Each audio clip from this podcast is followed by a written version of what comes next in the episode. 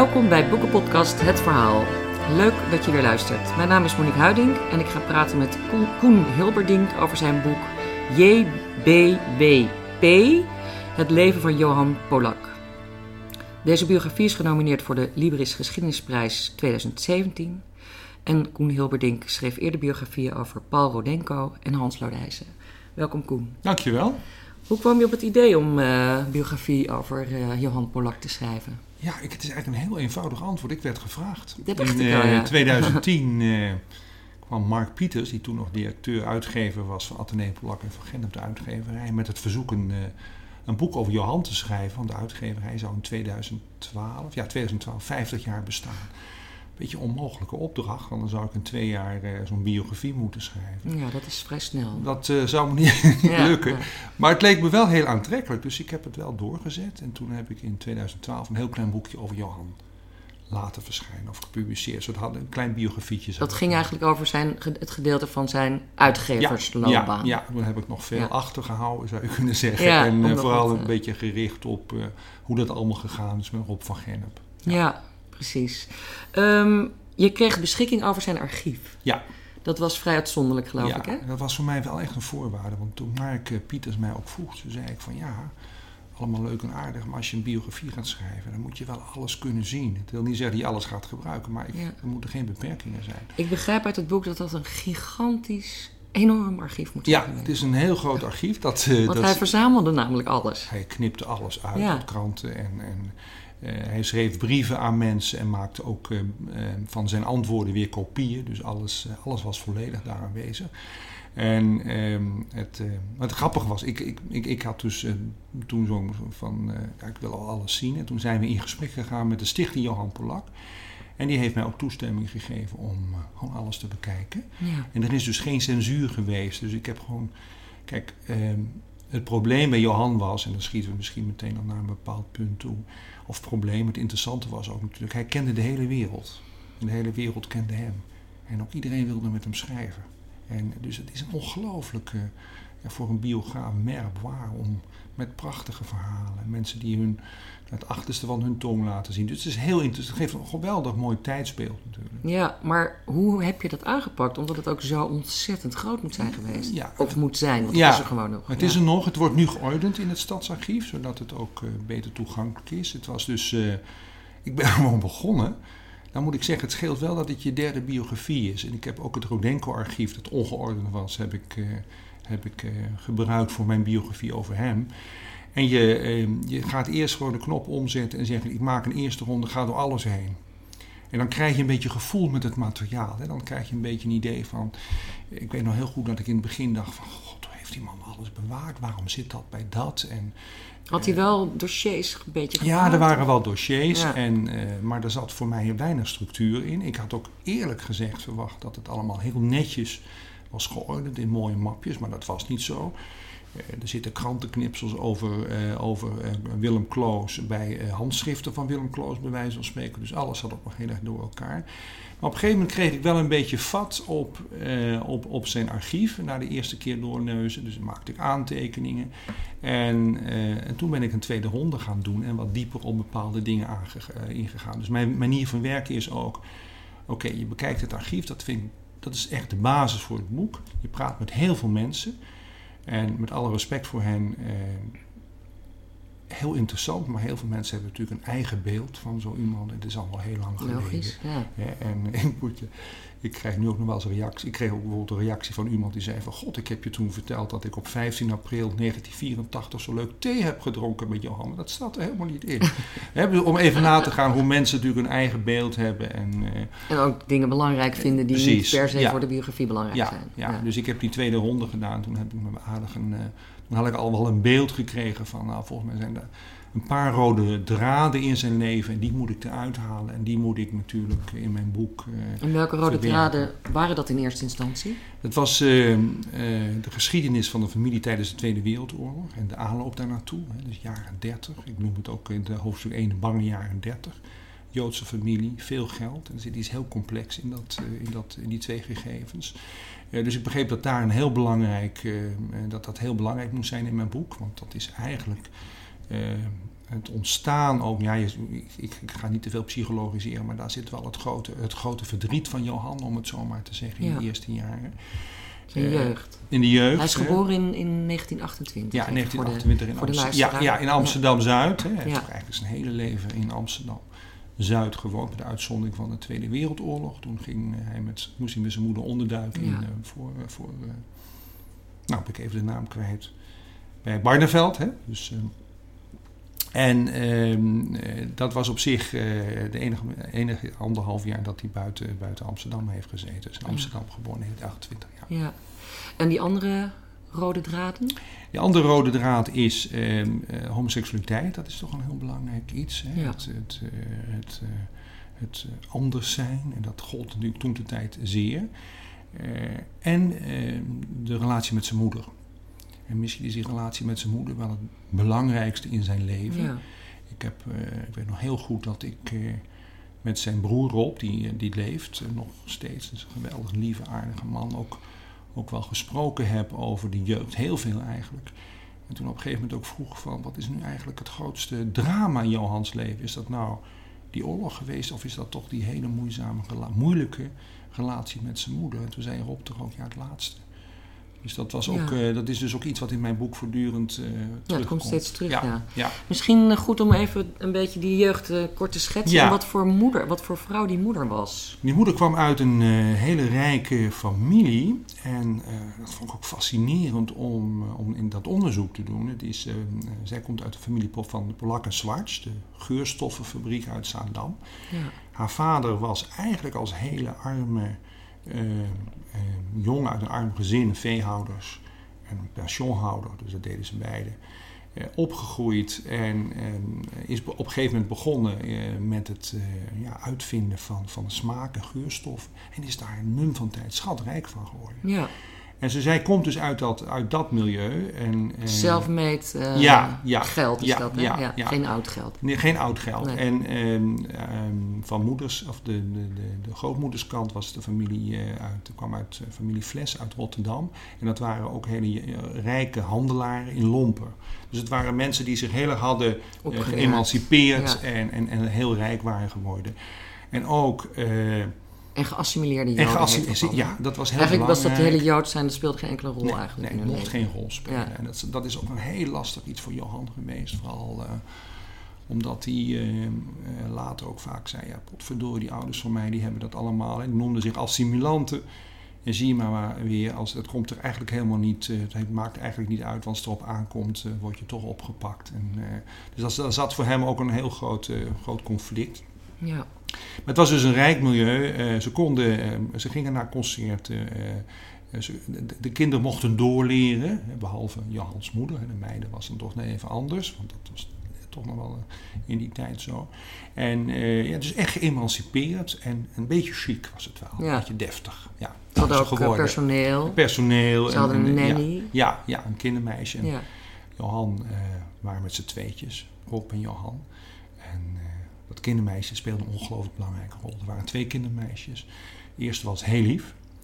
Een Duits meisje, een Duits kindermeisje. Die waren er veel in Nederland. En die tweede, dat was een Kenau. En dat was eh, voor, voor Rob en eh, voor Johan ook heel moeilijk. Ja. want dat is heel interessant. Want die, de, die verhouding met die moeder, even, even kort samenvatten. Die moeder was ziekelijk, Ja, was ziekelijk. moest vreselijk vaak braken. Ja, ja. Was ja. eigenlijk continu aan het overgeven. Ja, ja, dus van de spanning of, hè, bedoel, het is Ja. nu kun je er heel moeilijk nog. Ik heb natuurlijk wel met medici daarover gesproken. Ja, En zou ze gehad hebben? Zou ze gehad hebben? Nou, dat kan. Ja, het, doet je ook een beetje denken aan de hysterische vrouw van Ja. Freud. Hè? Een beetje, Ja. eh, dus dat er Klopt, toch wel een nervositeit is. En eh, waardoor zij dus voortdurend in die, in die stress zat en moest overgeven. Ook geen soort van buli- bulimia? Of Ja, daar lijkt het haast op. Het is ook iets met mond en eten. En, ja, en, en- maar de, ook, ook hij, hij- Polak zelf had ook moeite met eten eigenlijk ja, altijd. Ja, ja, er was echt een, Ja. een obsessie met, met, met eten en niet te veel eten of ergens niet tegen kunnen. Ja. En dan niet lekker worden van het eten. Dus dat, maar weet je, dat is, je hoort nu wel een heel interessant punt aan, want dat is ook iets van hoe ga je als biograaf ermee om, hè, met dit soort medische dingen.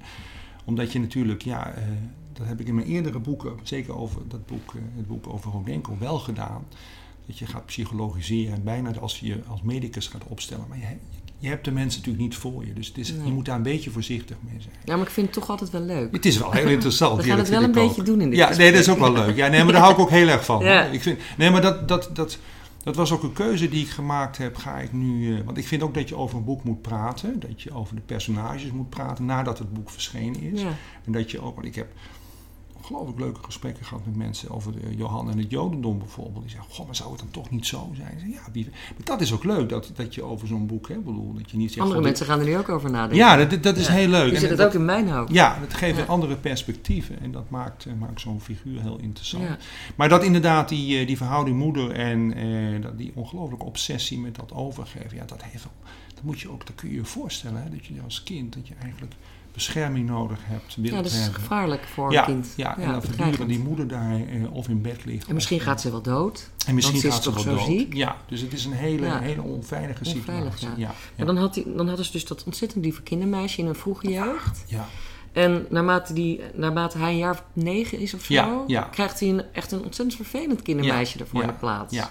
Dus dat is ook een, een belangrijke leeftijdsperiode van die eerste negen of tien jaar. Ja, ja, Dat er wel dus een liefdevolle figuur in zijn directe omgeving is. Ja. En die wordt eruit gehaald. Ja. Dat moet ook een schok voor hem geweest zijn. Dat is een ongelooflijk grote schok geweest. Die, dat kindermeisje, eh, dat Duitse kindermeisje, was lief. eh, wilde, dat heb ik van Rob ook wel gehoord, was zorgzaam, was aardig. En toen opeens, die, ze noemde haar juffie, hè, dat is heel lief. En toen kwam juf, dus dat was de, de, de, de tweede heette hele moeilijke. Was geen juffie meer. Nee, het was Ah. geen juffie meer, het was heel moeilijk. En ehm, zij had eh, eigenlijk ook. Achteraf denk ik van ja, dat is waarschijnlijk iemand geweest die helemaal niet geschikt was voor het beroep. Ze had ook in Brussel gewerkt als gouvernante, dus ze zat ook een beetje chic te doen. En, Mm. en, ehm, en ze was ook echt eh, gemeen naar de kinderen. En, en, en wat ik van Rob hoorde, dat, eh, die zei van ja, het was, het, ze was alleen maar bezig met mannen, dus heel obsessief met mannen. Ja. En hij voelde dat zeker ook, die belangstelling voor, van haar voor, eh, voor zijn man zijn, voor zijn jongen zijn. Nou, Rob is ouder dan Rob is ouder, ja, ja, ja. Ik beschrijf het ook in mijn boek een scène dat ze dan echt zo eh, het gevoel hebben van, oh, er zit al door een erotisch tintje aan. Dat is toch voor kinderen toch heel onveilig. Ja. Dat, eh, dat kan heel, die vrouw moest er zijn om die moeder eigenlijk te Ja. vervangen. En dan En niet, moet om je voortdurend op je hoede zijn. en niet om, om ze als pedofiel te misbruiken. nee, nee, nee, bij wijze van spreken. Ja, Ja. Ehm, nou, dan op een gegeven moment... eh, oh, zijn vader is ook een hele lieve man, Ja. zoals je het beschrijft. ja, ja. Die hard werkt en een beetje SDAP-achtig georiënteerd. En Ja. heel politiek bewust. Ja. Ze hebben veel kunstenaars in huis, veel denkers, filosofen. Dus echt, wel zo'n rijk, rijk eh, geschiedenis. Ja. Maar die vader is wat ziekelijk. Die heeft, wat, eh, die heeft nou, net als zijn moeder eigenlijk, maar die heeft echt serieuze hartklachten. die- En die overlijdt eigenlijk een maand voordat de oorlog begint. ja, ja, dat is En dan is zij ook iets van tien of zo, of elf. Ja, ja, dus dat is ook een, dat is natuurlijk een, een, een, een- nog weer een trauma. En eh, vader Sammy was een, een, een lieve man. Ehm, ving eigenlijk op wat, wat, zijn, wat hun moeder niet kon doen. En, eh, en, en hij was ook, eh, je, je zegt het net al, wel een ongelooflijk rijk intellectueel leven. Ja, dat kwam ook via zijn vader met een bibliotheek.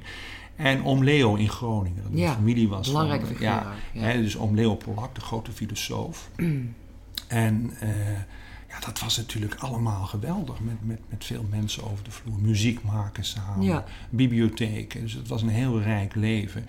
En eh, die vader die toch een soort ja, houvast was voor die jongens. Ja, die gaat dood. En eh, is, is, zijn ze al heel vaak bang voor dat hij doodgaat. Want het hart is niet goed. En op een gegeven moment eh, wordt hij heel erg ziek. In kort ziekbed. En dan sterft hij vlak voor de oorlog inderdaad. Ja, Ja. één maand voordat de Ja, oorlog één maand voordat de oorlog In april begint. Ja, 1940. Ja, ja, dus dan is de Dus er staat nog eh, veel groter eh, Ja, leed eh, te wachten. ja.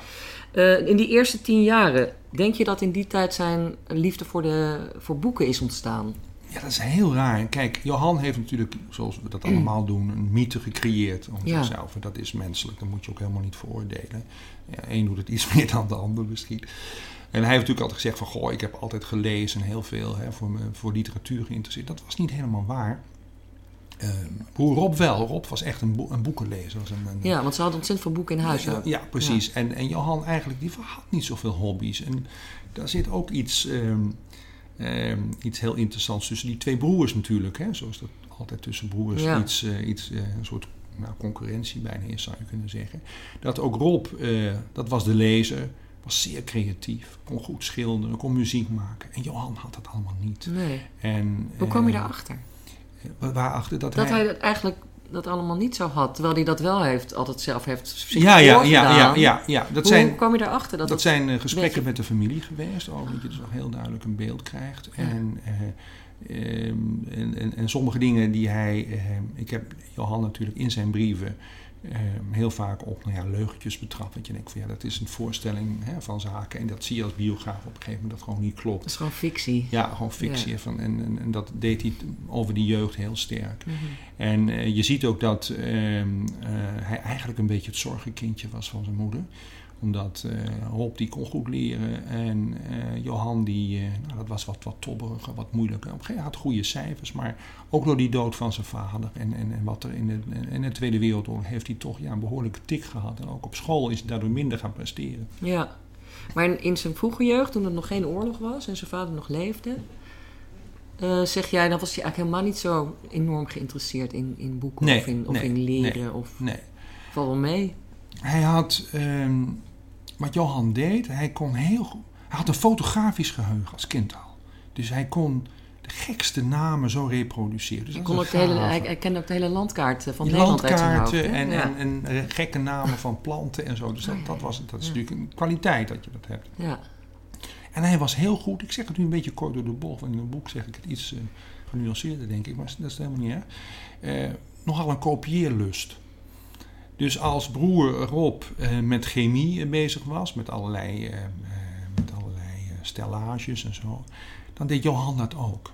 Dus er zat een heel een sterke neiging om Te imiteren. ja, te imiteren. Ja, en eh, dat fotografisch geheugen is in feite ook imiteren natuurlijk. Hè. Je neemt iets op en Ja. je, je reproduceert. Dus dat, dat, dat is een hele sterke... Ja. En dat is een kwaliteit natuurlijk. Ik kan heel slecht uit mijn hoofd eh, dingen onthouden. Maar Ja. Johan die kon gewoon hele gedichten zo, eh, zo vertellen. Dat is natuurlijk heel Wat ik bijzonder. zo, dat is even een zijstapje, maar wat ik zo fascinerend vind, is iemand dus met een fotografisch geheugen die alles bewaart en uitknipt. Dat hoef je dan zou toch niet te doen. Nee, dat zou, zou. Ja, blijkbaar werkt het toch, niet zo. vond Ja. ik dat. Ja, dat is, ook weer, dat is ook allemaal wel te duiden hoor. Die ongelooflijke hebzucht is het ook. Hè? Oh. Alles maar hebben. Verzameldrift. Verzameldrift haast. Of ook een houvast daar misschien houvast hebben. Ja, in, dat is heel... vinden. Alles willen hebben Ja. gewoon. Als je het Want hebt. Ja. Wat ik dacht, om toch gewoon even eh, psychologie van de, van de koude grond.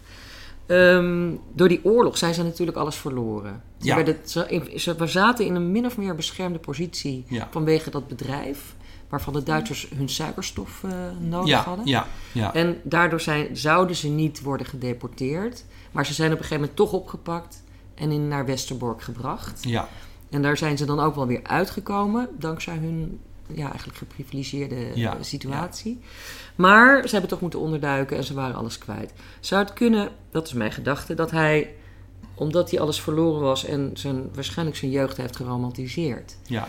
Daardoor heeft gedacht: boeken zijn mijn redding. Of in ieder geval literatuur. In literatuur kan ik, kan ik iets vinden, kan ik terugvinden wie ik ben of zoiets, ja, zoiets ja, dergelijks. Ja, Want hij wordt op een gegeven moment helemaal idolaat van eh, twee dichters, namelijk eh, Leopold en Boutens. ja, klopt. Dat ja. worden zijn grote voor- Ja, voorbeelden. ja. Kan, je, kan je iets schetsen van wat die wereld van Leopold en Boutens, hoe die er ongeveer voor hem moet, heeft moeten uitgezien? Het is heel interessant wat je zegt, want dat is denk ik heel cruciaal. Dus die literatuur, waarom is dat zo belangrijk? Aan de ene kant is dat de romantiek, het nostalgische, hè, zijn verleden. Hè, dus er was een wereld van boeken. Hè, Zijn vader en oom Toen was alles nog goed. En toen was alles nog goed. En eh, ik denk ook, en eh, kijk als biograaf put je ook altijd uit je eigen, eh, uit je eigen leven natuurlijk. Literatuur is natuurlijk ook, als je daar gevoelig voor bent, toch een soort ja, ja, levenslessen of hou vast of iets, Ja, iets wel. van jou of zo. Hè? Dus dat, dat, dat, dat zit er ook heel duidelijk in. Ik, ik heb het bij Lodijs eigenlijk hetzelfde gezien, die heel erg op zoek ging naar zichzelf aan de hand van literaire teksten en herkenning ziet. En, maar dan kun je je wel afvragen, hij leest dus ook Jacob Israël de Haan en dan leest hij Pijpelijntjes. Het gaat natuurlijk over twee mannen die een relatie hebben. Eh, maar wat moet hij in godsnaam met Leopold en Bouten? Want dat is best wel lastige poëzie om, om, om, ehm, om te begrijpen voor iemand van 16, 17 jaar. En ehm, daar heeft toch op de een of andere manier ehm, zijn interesse is echt gewekt. Dat is mijn stelling ook in het boek. Uh, Boutens over die homoerotiek die hij voelde. Dat, er is uh, over eenzaamheid, dat soort zaken. Maar over Leopold had hij een biografische schets gelezen. En uh, bij Johan staat de biografie altijd voorop. En dan komt de tekst. Dus hij, gaat hij is heel erg geïnteresseerd in het leven van die auteurs. En uh, hoe ze dat leven hebben vertaald in hun werk. Dat vindt hij heel belangrijk. En hij las over Leopold, de vereenzaamde dichter in Rotterdam. Op een zolderkamer wonend, waar hij leerlingen ontving. En dat moet hem, die beklemming van dat, die eenzaamheid, hij had zelf ondergedoken gezeten, dat moet hem heel erg hebben aangesproken. Dus dat herkenning ook van, hij zei later ook, Johan zei later ook vaak van, hij was eigenlijk homoseksueel, uh, Leopold. Nou, dat heeft nog niemand weet niet of dat zo is, maar hij... Dat projecteerde hij, misschien op hem. Ja, dat, ja precies. Hij, hij kon dus helemaal ja. die eenzaamheid en die poëzie, die heeft blijkbaar voor hem ook iets... En daar heb je natuurlijk behoefte aan als je jong bent. Als je jong bent wil je ook mystiek, magie, iets ja, Toch, dat, wel. Ja, dat hoort erbij. Dus dat had Leopold ook. Dat had hij zijn raadsel dat het leven veel meer glans geeft dan het op dat precies, moment heeft. En dat had Leopold natuurlijk zeker. Dat is anders dan, dan gedichtjes. Ik, ik weet niet zo goed wie. Van Ronald Holst vond hij bijvoorbeeld niks. Maar hier zat natuurlijk iets mysterieus in. Ja. ja. Uh, ik heb even opgezocht uh, de biografietjes van Leopold en, en Boutens. Ja. En uh, wat mij opviel is, ze zijn beide klassicus. Ja. Ze zijn ook beide leraar geworden. Ja. En eigenlijk lijkt Leopold een beetje op, op, op Ja. Jan Pol- Polak, qua uiterlijk. En het zijn ook van die keurige heren. ja, ja, Ik denk dat hij gewoon Ja. gedacht heeft, ik word Leopold. Ja, Dat ja. Wordt, want hij heeft hetzelfde soort leven. Hij heeft ook uiteindelijk, na veel, veel stapjes zijwaarts en eh, links en rechts, is hij ook klassieke talen gaan studeren. En hij is leraar geworden, klassieke talen. Net als Boutens en Leopold. Hij is alleen geen dichter geworden. Heb jij gedichten gevonden in het archief? Nee, Of en daar had ik natuurlijk op gehoopt. En, eh, maar die zitten er niet in. Goh. En, eh, dus ik denk dat hij dat ook helemaal niet gedaan heeft. Anders had ik, dat vast, had ik die vast wel gevonden. En, en ik zeg ook op een gegeven moment, van hij was... eh, hij speelde een rol. En de ene keer was hij Leopold, de andere keer was hij oom Leo. En dat is natuurlijk een heel belangrijk iets. En je, je noemt al een paar dingen, zoals dat leraar zijn, komt in zijn eigen leven terug. De klassieke talen, het uiterlijk. Johan lijkt met dat hoofd. Hè. Sommige mensen vinden hem echt lelijk. Ik vind het wel een beetje meevallen. want Ik vind dat een interessante kop eigenlijk. Je markante kop. Markant, laten we zo zeggen. Hè? Ja. En, eh, nee, maar daar zit natuurlijk een heel erg dat, dat imiterende in. Dat, en, en, en daar heeft Ja. ook alles over gelezen. Hij wist precies hoe ze, wat voor schoenen ze aan hadden. En eh, het, Dus hij heeft dat echt gewoon. Hij is, hij is die stijl helemaal ja, gaan ja, kopiëren. Ja, Geweldig, daar- hè? Ja, precies. Maar, daar, dat, maar dat geeft helemaal niet, want ik denk dat heel veel jonge mensen zich op die manier een eigen stijl ontwikkelen. Maar het lijkt alsof hij dat niet heeft uitontwikkeld. Alsof hij daarin is blijven hangen. En heel veel, Precies, heel veel mensen in jouw boek, kom ik dat ook tegen, vinden, vonden hem onecht. Ja, nagemaakt. Ja, precies. Wat je ook zegt, hè, je kent jonge mensen die zijn een tijdje Michael Jackson. En dan zijn Ja. ze, hè, en dan is dat weer over. En Ja. eh, dan eh, zijn ze weer, eh, weer geweldig. Maar hij blijft daarin hangen. En, eh, en, en, En al heel jong. en al heel jong. Want ze En, vinden ja. hem eigenlijk als hij 15 is al een soort oud heertje. Ja, noemen ze de burgemeester. Ja, en, maar hij eh, praat ook heel, eh, hij praat ook zo heel voornaam. Ja, Ja. ja. En hij is inderdaad, hij is erin blijven hangen. En hij had dit als een fase in zijn leven moeten doormaken en moeten beleven. En dan had hij natuurlijk zijn eigen weg moeten kiezen. Maar hij is erin blijven hangen. En dat vind ik ook wel het grote drama in zijn leven. Ja. Want dat is natuurlijk leuk voor, voor jou en mij als je hem zou ontmoeten. Ik heb hem één keer ontmoet, dat is dat je, god wat een gekke man. Maar dit is natuurlijk diep triest voor een intense menselijke relatie. Ja. Het is haast onmogelijk als je voortdurend denkt, dit is niet een... Ik ben hier in een toneelstuk Ja, want hij vond zichzelf ook onecht. Ja, ja, vond, ja, zegt, ja, Dat ja, zegt hij ook. Dat Ja. Eigenlijk dat hij liegt. En ja, dat hij, ja, ja, ja, dat hij maar eigenlijk dit, dat is- spel dat is zo'n drama in zijn- ja. Want hij heeft ook in feite, door, dat, door die oorlog... Zijn hele adolescentie zit er gewoon een gapend gat. Hij Ja. komt als kind, gaat hij de oorlog in... en als oude man komt hij eruit. Ja, ja, Die. Leopold nadoet. ja. Achteraf heb ik ook wel, eh, ook wel... Hij is dus in psychoanalyse geweest. En ik schrijf ook in mijn boek... Daar heb ik niet veel gegevens over. Want dat is natuurlijk allemaal heel geheim gebleven. En dat eigenlijk heeft het geen moer geholpen. Maar ik denk ook dat het feit dat hij in psychoanalyse ging... Ja, dat hoorde ook bij zijn milieu. Ja, Het was een heel Freudiaans gericht ja. familie. En Een alles soort uitstapje naar uitstapje. de En Ja. eh, god, dat kostte handelvol geld. En dat had hij. Dus dat kon hij zich ook wel Maar kreeg je ook lekker gewoon een uurtje aandacht. Ja, kreeg een uurtje.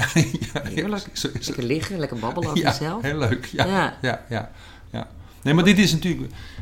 eh, Dit, dit, dit heeft mij Het is een ook beschadigde mens. ja, zo, zo diep geraakt hoor. Ik moet zeggen, dit is, derde biografie.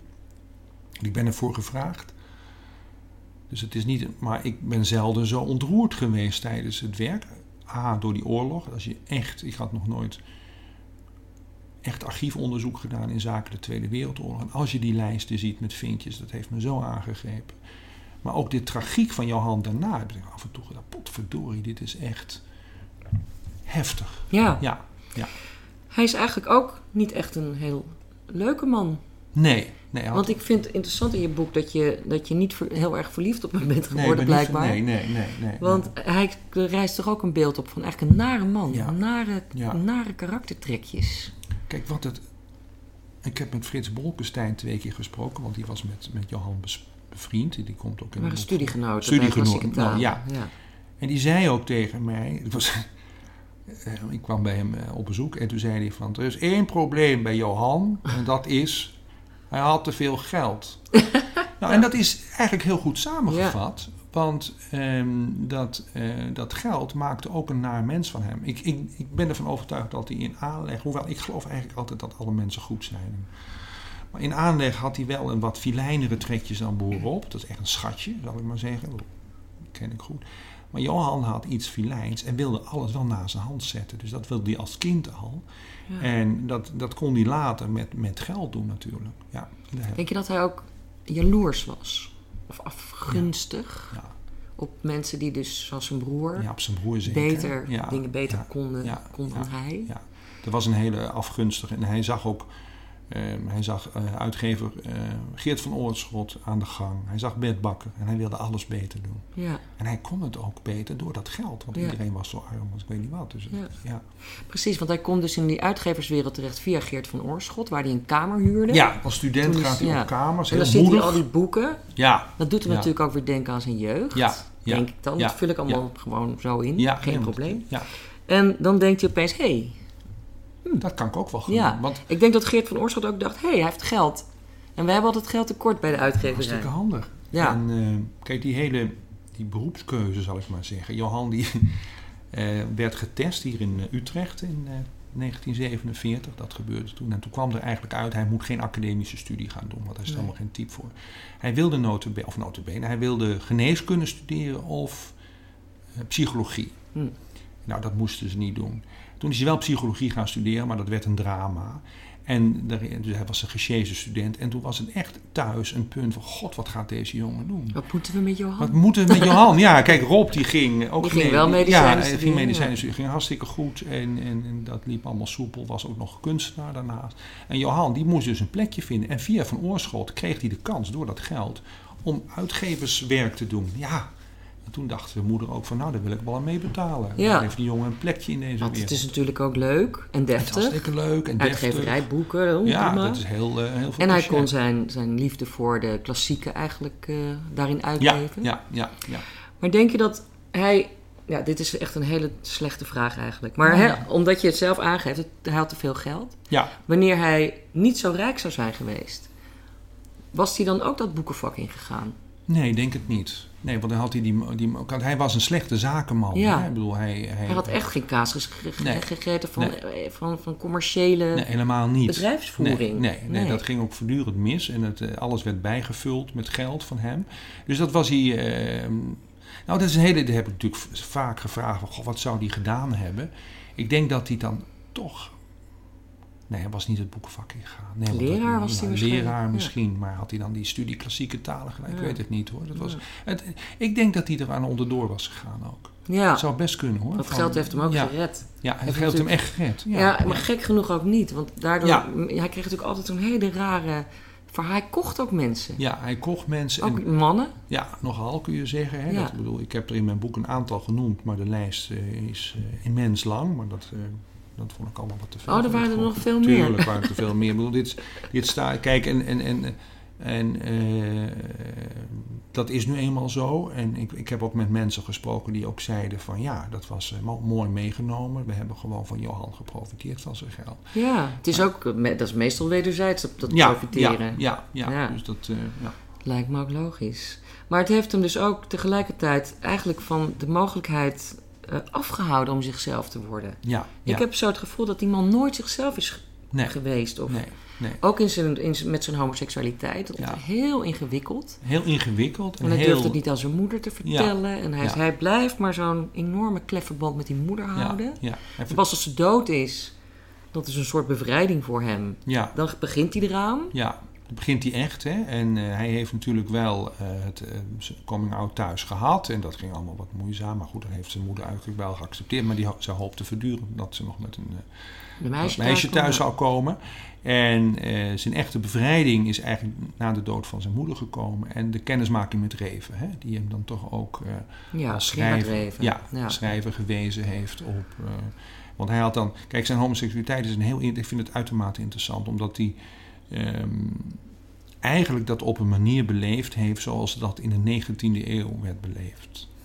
Dus die, die chique nicht, zal ik maar zeggen, Ja. met een arbeidersjongen of hè, met die, en, en, en Ja. waar geld een rol speelt en waar educatie een rol Een speelt. schandknaap. Schandknaapachtig. Ja. En die wereld, en, en, dat, en daar is hij eigenlijk nooit van afgekomen, ondanks de, Had hij voor de vorm nog wel getrouwd moeten zijn. ja, dat was nog meer bijgepast. Dan heeft ja, hij ja, aangepakt. ja, ja. Nou, er zijn, tevreden er geweest. zijn vrouwen die een huwelijk eh, aanzoek hebben gehad, maar die dat Oh. niet gedaan hebben. Oh.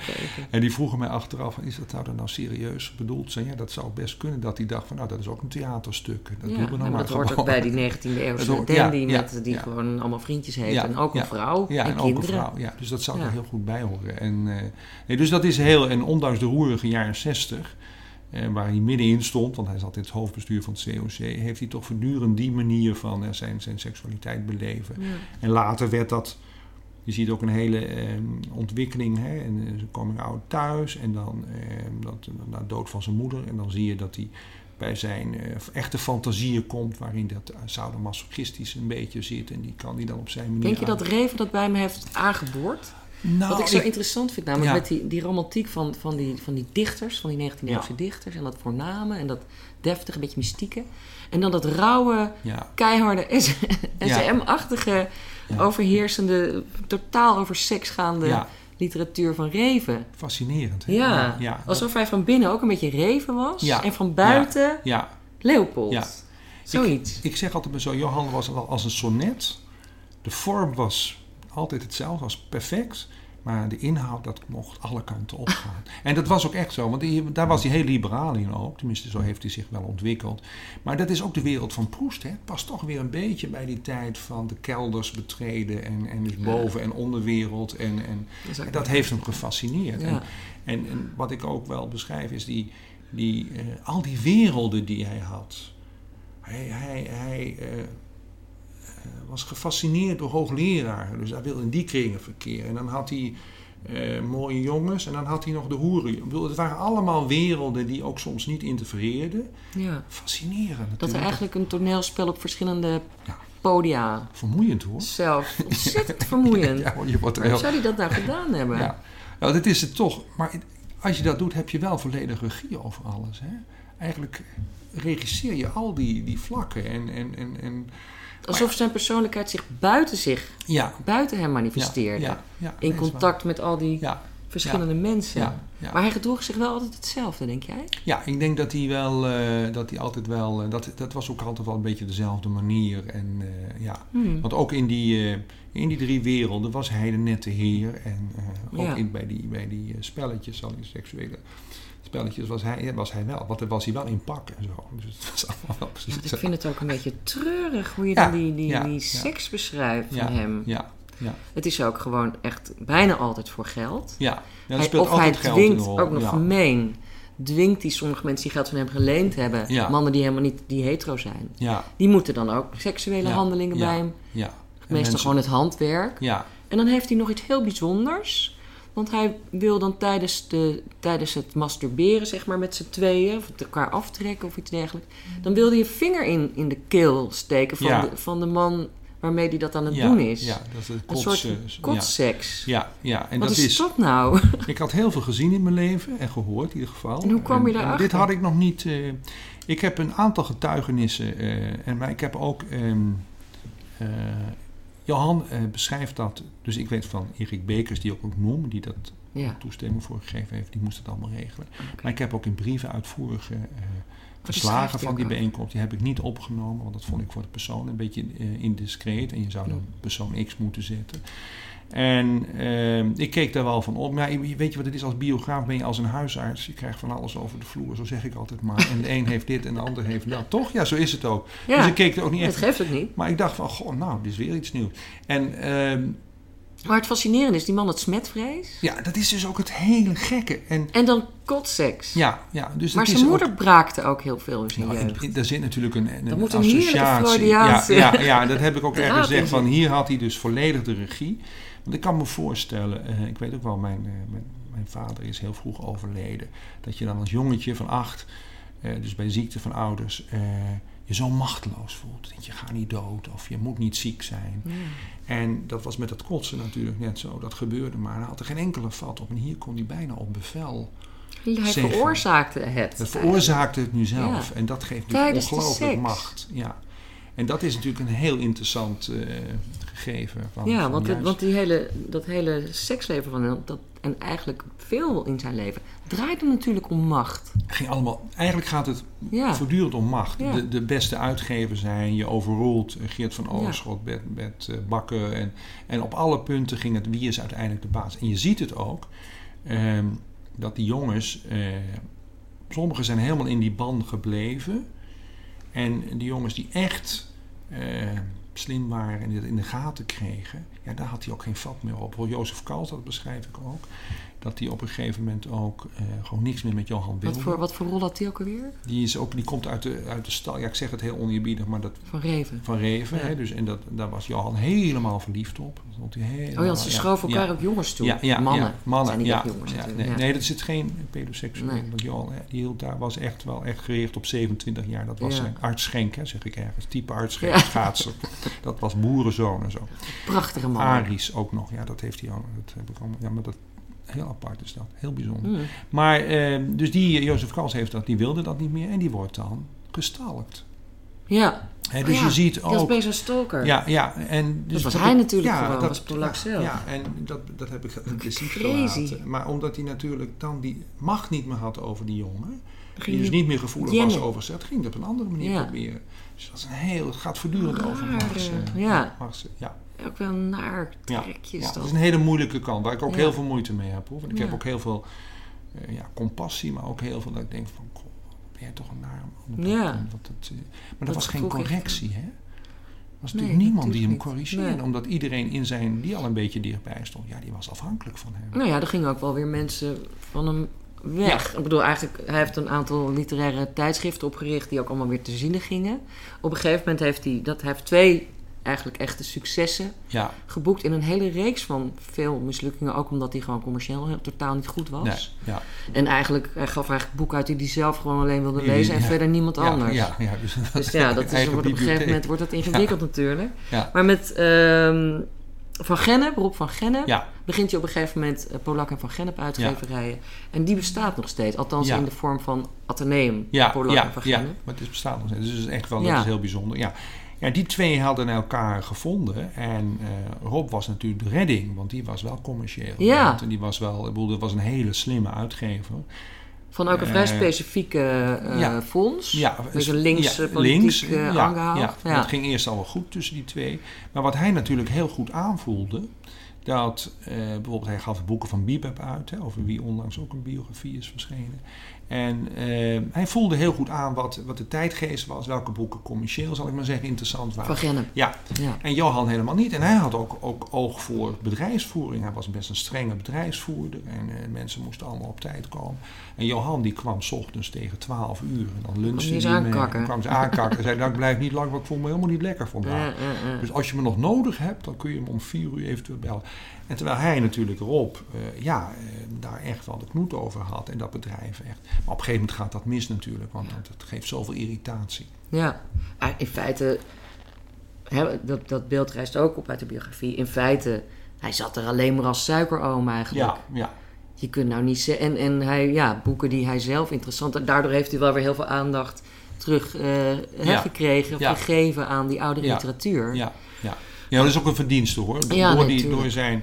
Kijk, ik, ik, sommige mensen zeggen het is een paradijsvogel. En dit zijn natuurlijk wel heel bijzondere mensen die, eh, waardoor dit soort dingen wel in dat, dat fonds is ontstaan. Ja. En, dus, hè, door die gekte, zal ik maar zeggen. Anders het- was dat echt wel ja, weggezakt. ja, En dan- precies. dus dat is ook echt een verdienste. Ja, natuurlijk is het zo. Ja. Maar goed, dankzij Van Gennep en, en zijn Ja. uitgeverskwaliteiten Ja. begon die uitgeverij Ja. op een gegeven moment in de, in de zwarte cijfers te komen in plaats van ja. in de rode. Want, hij, want Polak die bleef er ook maar geld in pompen. Hè? Want zijn moeder die, die, die, die schiet weer wat bij en nou, noem maar op. En uiteindelijk ehm, gaan ze uit elkaar. We hebben niet meer zo heel veel tijd, dus dat hoeven we ook. Maar mensen moeten het overigens zelf in het boek lezen. Ja. Maar. En dan eh, gaat hij ook in de boekhandel. En daar is hij eigenlijk succesvoller in. Maar Ja. ook weer dankzij anderen. ja, dankzij anderen, omdat die... eh, Hij gaat boekhandels Ja. kopen. Ja, hij gaat allemaal boeken alsof het eh, zoete broodjes zijn. Hè? En, ehm, eh, en dan de, de, de boekhandel aan het Spui in Amsterdam, dat wordt echt een succes. En dat is op Ja. een toevallige samenloop van omstandigheden. Het is een tijdgeest, ik bedoel, Provo, er gebeurt ongelooflijk veel. Op, Op het die- spui, op het notabene. spui. Hè? En, Stad Atheneum boekhandel. op ja, het spui, ja, en die nog steeds bestaat. Ja. En, eh, Geweldige boekhandel. geweldige boekhandel. boekhandel. En door input van anderen die gewoon heel goed wisten van wat, eh, wat er verkocht moest worden, werd daar alles verkocht. Ook linkse literatuur. Alles, Ja. hè. Je kon alle kranten kopen. Ja. En, en, en, dat maakte die boekhandel natuurlijk heel bijzonder. Ja. En, en, en buitenlandse literatuur. En eh, ja, eh, dat ging eerst wel heel moeilijk. Hij, ik, heb, ik begin mijn boek ook met een eh, citaat van Kees Vens, die daar dan vaak als klant kwam in het begin. Dan stond Johan daar helemaal alleen in die winkel, want er was nog helemaal geen. Maar die vond het eigenlijk wel heel fijn. En die had helemaal geen. Want die was alleen maar trots op die Ja. boeken, dus dat was zijn boekhandel. Maar later is dat toch door de hulp van, door de inzet van anderen, is dat, nog, is dat een hele goede boekhandel gebleven. Want dat is ook zo zonderling, wat je beschrijft. Dan staat hij daar... Ze hadden geen sluitingstijden blijkbaar. Want Nee, dat was maar allemaal, heel- nee, dat was allemaal Misschien niet netjes. heel burgerlijk ja. En eh, dus dan op een gegeven moment dan was de laatste klant eindelijk eens een keer naar huis. En dan kwam hij nog even kijken. En dan wilde hij dat het personeel al die boeken keurig op een rijtje ging zetten. Ja, ja, want daar ging het eigenlijk om. En eigenlijk Maar het is een dwangbureau voor de bovenste plank. Ja, ja, dus alles weer heel netjes. En die mensen die... eh, Die, waren, die wilden ook wel eens naar huis. die wilden ook wel eens naar huis. Maar die, die, dat, nee, dat was niet de bedoeling. En je mocht niet zeuren over sluitingstijd en zo. Ja. Van dat, eh, Maar dat getuigt toch ook van totaal geen... Dat ben je toch weer echt gewoon wereldvreemd ook. ja, eh. ja, ja, maar gewoon omdat hij zo rijk was. Ja, Dat kon hij dat doen? Ja, hij hoefde ja. niet eens te werken. Nee, nee, nee. nee je vraagt je eigenlijk af waarom die... Maar ik denk voor status. Ja, ja, het was Voor heel veel status natuurlijk. Ja, dat, had hij ook daarmee. Ja, Ja. ja. ja. Nou goed, en het, op het einde van zijn leven gaat hij toch schrijven. dan gaat hij... met, eh, eh, samen met... eh, Frans Gordijn. ja, ja, die ja. En denk je dat Frans Gordijn meer heeft geschreven dan, Polak? Dat hij alleen maar zijn naam eronder zette? Of Nee. schreef hij ook echt? Hij schreef wel echt. Dus Ja. maar ze deden het met z'n tweeën. En hij had eh, Frans echt nodig om die discipline te hebben en op onderwerpen te Ja. komen. Maar het waren niet de beste stukken die hij schreef. Want eigenlijk, hij heeft ongelooflijk veel college-dictaten uit, zijn, uit de jaren 50 die, en 60. Want hij heeft heel lang over zijn studie gedaan. Ja, heel veel dingen komen gewoon weer terug. Dus het was ook het reproduceren van Hij kennis. die- plagieerde ook. hij plagieerde ook Ja. nog, hè, want dat had hij dan ergens gelezen. Dat zat dan in zijn hoofd. Dus het waren niet de beste stukken. En dan zie je ook dat hij ongelooflijk veel feitenkennis had onthouden. Had, maar dat hij echt de, de, de creativiteit miste om daar een sprankelend Nee. verhaal van te maken. Ik kan me voorstellen dat hij daar eindeloos gefrustreerd over is geweest. Ja, Dat nooit zou zeggen. Ja, ja. Maar dat daar al het venijn ook eh, Ja, misschien dat- wel vandaan kwam. ja dat, dat zat hem natuurlijk heel erg dwars. Dat hij eh, niet die kunstenaar was. Want hij omringde zich namelijk met mensen die wel heel veel konden. heel goed Met heel veel Ja, talenten. Ja, ja, ja. En dat moet er toch een vreselijke pijn ook gedaan hebben, denk ik. Maar je kunt ze niet opnoemen of ze, waren, ze verkeerden op de een of andere manier in de kring van Johan. Hè. Ze waren echt Ja. hoogleraren, schrijvers, iedereen wilde erbij horen. Ook mensen die zeer teleurgesteld zijn omdat ze eerst dachten, goh, hij gaat mijn boek uitgeven. Maar toen ging het alleen maar om het uiterlijk. En Ja. jaren over de vloer komen en dan eh, gebeurt het toch niet. Dus dat, daar zat ook een raar spel in Ja. natuurlijk. Hè. Dus dat, eh, ja. Het is een fascinerende figuur. Ja, Ik, ik dacht echt, eh, bah, wat een nare man toen ik aan het lezen was. Get verdering, vreselijk. Ja. Een vervelende vent eigenlijk. En dat is hij ook wel. Maar als je dat hele boek zo, als je dat hele le- leven zo een beetje volgt... dan is het ook gewoon een heel tragische figuur. Ja. En ja, die man moet dood en dood ongelukkig Ja. over zichzelf Ja. geweest zijn. En die moet altijd hebben gedacht, straks betrappen ze me. Dan weten ze dat ik niks voorstel. En daardoor ging hij dat zelf maar zeggen, Ja, ja. denk ik. Nee, als precies. soort. Er zit natuurlijk een Ik ongelooflijke stel angst niks bij. voor, maar dat was ook denk ik echt zo. Ja, ja. Dat- als je het zelf zegt, dan ben je het inderdaad, inderdaad de andere, de vernedering voor. Hè? Want Ja. dat is natuurlijk- en hij is natuurlijk, verdorie, wel heel erg vernederd in de oorlog. Ja, Ik bedoel, dat is natuurlijk ramp een natuurlijk. krenking. Ongelooflijke ja, krenking. tuurlijk. Ja. Oké, eh, mijn laatste vraag. Ja, Ben je al aan een volgende biografie bezig? Nog niet. Nee. Nog niet. Ik, ik, ik, eh, Heb je al een af- idee? Nee, eigenlijk ook nog niet. Ja, ik heb wel wat, wat, wat, wat eh, er komen wel wat, wat verzoekjes binnen, zal ik maar zeggen. Maar ik, ik ben eigenlijk nog eventjes met Johan. Ik wil dat nog even zo, want dat is ook gezond hoor. Ja. Ik denk van, eh, dit moet ik allemaal even verwerken. Of verwerken, klinkt heel groots, maar ik, ik, het heeft op mijn bestaan ook behoorlijk impact gehad. Ja? Ja, veel meer dan een Lodijns of Rodenko. Oh. Veel meer dat ik achteraf toen het ook klaar was en het was gedrukt, dacht... Mijn god, wat een boek. Wat een, wat een man ook. Vooral wat een man ook. Ja, Mm. begrijp je? Het is echt... tragiek. Je, ja, je bent daar heel erg mee... Je moet er net, je moet er eigenlijk ook een beetje van afkicken. Weer, Ja. om, eh, Droom je ook eh, over hem? Nee, ik droom, eh, nee, ik droom niet over hem. Dat komt vast toch wel een keer. Ja. ja. Nee, omdat je dan zo dicht op, in Ja, de, op ja, de huid... ja. Dan gaat hij ook voor je leven, weet Ja. je, alsof je dagelijks meemaakt Ja, al ja. lang dood is. Ja, nee, dat is Dat dat gelukkig nog niet. Ah, nee, nee, nee, nee, nee. Nou, hartelijk dank voor dit gesprek. Jij ook heel erg bedankt. Ik sprak met Koen Hilberdink over zijn biografie van Johan Polak. Je kunt deze boekenpodcast steunen met een donatie. Op de overzichtspagina van Soundcloud staat een linkje rechts in de rechterkolom. En als je daarop klikt, daar staat eh, steun deze podcast op. Als je daarop klikt, kom je op de donatiepagina. Alle beetjes helpen en alvast hartelijk dank voor je bijdrage.